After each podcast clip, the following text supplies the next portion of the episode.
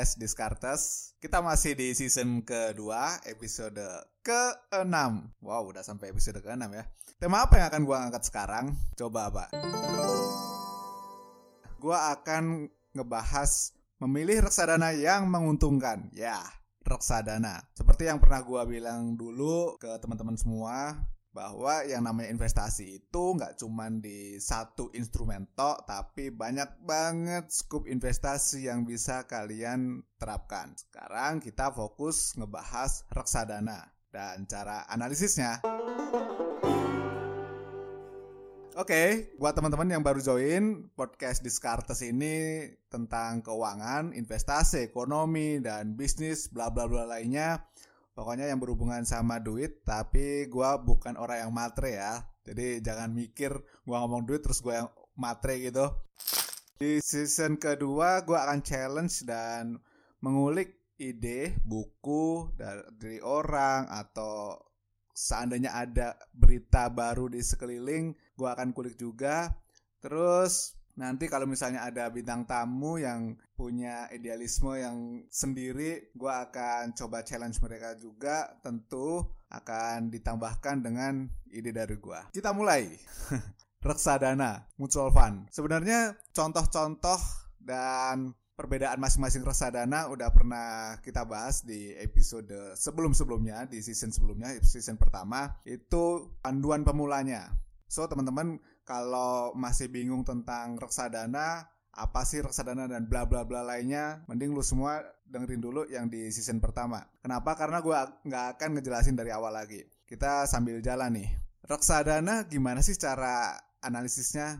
Ini tema gue angkat karena gue sempat baca salah satu kajian yang muncul dari Lee Conrad dan Andrew Schilling. Mereka adalah bank investment consultant, terus mereka meluncurkan list mutual fund terbaik versi mereka. Isinya ada yang dari Fidelity Contra Fund. Jadi nih fund itu pada tahun 2020 mengelola 100 bio US dollar. Jadi Fidelity itu salah satu MI terbesar di dunia. Nah, di listnya mereka juga ada American Funds Growth Fund of America. Ya, namanya bolak-balik ya. AGTHX, dia juga kelola lebih dari 100 bio US dollar. Terus masih ada beberapa list lainnya. Gua nggak sebutin satu persatu ntar kayak ngebacain list orang. Si Andrew dan Lee dia cara analisisnya adalah melihat jumlah dana kelolaan. Jadi kelolaan yang gede-gede ini dimasukkan di list terus dianggap sebagai reksadana yang bagus-bagus. Dalam satu sisi gue sepakat dengan apa yang mereka sampaikan. Kenapa? Karena list-list tersebut kalau teman-teman nanti lihat sebenarnya banyak dimiliki oleh orang-orang di seluruh dunia di Amerika gitu. Kenapa orang-orang itu beli fund yang ada di situ? Ya karena reputasinya bagus, terus orang percaya sama kelolaannya, makanya mereka chip in uang di situ. Tetapi di Indonesia apakah Mengetahui dana kelolaan itu satu-satunya cara untuk melihat kualitas sebuah reksadana. Well, itu salah satu bisa, tapi kita akan coba bongkar dan mencari tahu ada nggak sih part-part lainnya, faktor-faktor lain yang perlu kita perhatikan juga gitu. Oke, gue mulai dari teknik yang dipakai oleh beliau berdua. Kita lihat yang ada di Indonesia, gue browsing nih browsing pakai salah satu fintech. Nah, di situ ada nih contoh reksadana yang AUM-nya ada di atas 5 triliun di 2020. 5 triliun rupiah ya, bukan dolar. Ada Mandiri Investa Pasar Uang, Schroder Dana Prestasi Plus, Dana Mas Stabil, Ispring, IDR Fixed Income Fund, Sukor Invest, Ispring Investment Cash Reserve. Ini berbagai macam reksadana yang sudah di list oleh si fintech nih berdasarkan AUM-nya. AUM itu Asset Under Management, berapa dana kelolaannya. Ketika dibuka ternyata ada satu yang minus dan itu RDS reksadana saham. Ya ini wajar karena selama 2 tahun terakhir ya SG kita mengalami penurunan. Makanya sangat wajar seandainya RDS-nya turun. Ini turunnya sampai lebih dari 10% year to date-nya. Year to date apalagi? Karena dari awal kan kena covid di tahun 2020 gitu kan. Gue juga akan prediksi kalau misalnya teman-teman punya reksadana saham sekarang pasti lagi minus juga di bulan Agustus 2020 kalau belinya di awal tahun sekarang atau dari tahun sebelumnya. Kemudian selain list reksadana tadi, gue juga browsing terus ketemu nih MIMI yang punya dana kelolaan gede-gede. Ini gue rutin ada Mandiri Manajemen Investasi, ada Bahana TCW Investment Management, Schroder Investment Management Indonesia, Manulife Asset Management Indonesia, Dana Reksa Investment Management, Ispring Investment Indonesia, dan bla bla bla selanjutnya. Oh, banyak sekali. Ya, ada banyak banget. Si Mandiri ini punya ini angkanya banyak banget nih. 43 triliun dana kelolaan, terus Bahana ada 39 triliun dana kelolaan dan seterusnya. Nanti teman-teman bisa cek sendiri di website-website kesayangan Anda. Ya, lu semua kan punya website yang dijagoin. Itu dari sisi AUM. Apakah kita bisa menganalisis dari sisi AUM? Well, ntar gue omongin. Tetapi sebelum kita ngomong soal investmentnya, gue mau ingetin dulu nih. Yang namanya investasi selalu ada risiko. Apakah ada risiko di reksadana? Ada, bos. Semua ada risiko. Orang lu jalan juga bisa jatuh. Jadi ada pasti risikonya. Di investasi reksadana, salah satu risikonya adalah kemungkinan one prestasi. Makanya hati-hati jika ada orang yang menawarkan produk reksadana dan too good to be true. Apa pun produknya, mau itu reksadana, mau itu saham, mau itu teknik investasi emas dan lain sebagainya. Kalau menurut kamu too good to be true, jangan dimasukin. Oke, okay? produk itu belum tentu tentang si emasnya atau tentang si sahamnya atau tentang si reksadana, tetapi cara pengolahan produknya itu sendiri teman-teman juga harus pahami gitu ya. Reksadana itu kan sifatnya kumpulan juga nih. Jadi ada pula risiko investasi dalam reksadana ini seandainya salah satu bagian dari kumpulan ini bermasalah, maka akan menurunkan nilai investasi kamu. Misalnya reksadana saham. Terus di reksadana saham itu salah satu sahamnya mengalami masalah. jelas nilai investasi kamu akan turun. Makanya memilih reksadana yang tepat itu penting. Kalaupun pilihan kamu salah ya udah mau gimana, yang penting kamu udah milih duluan, udah belajar duluan cara milihnya gitu. Nggak ngasal beli. Siapa di sini yang masih ngasal beli? Coba tunjuk tangan. Oke, sekarang tips investasi reksadananya.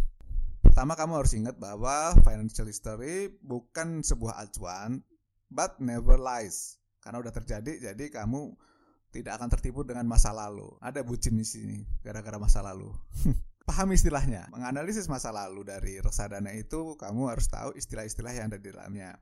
Misalnya NAV nih kan ada tulisan coba buka deh sekalian. Sat, one day, satu day gitu, one month, terus YTD. Jadi one day itu progres NAB reksadana dalam satu hari. Kalau one month ya dalam satu bulan, year to date itu artinya dari awal tahun sampai sekarang. Nah, kalau kasusnya kamu dengerin di bulan Agustus, berarti ya dari 1 Januari sampai Agustus sekarang.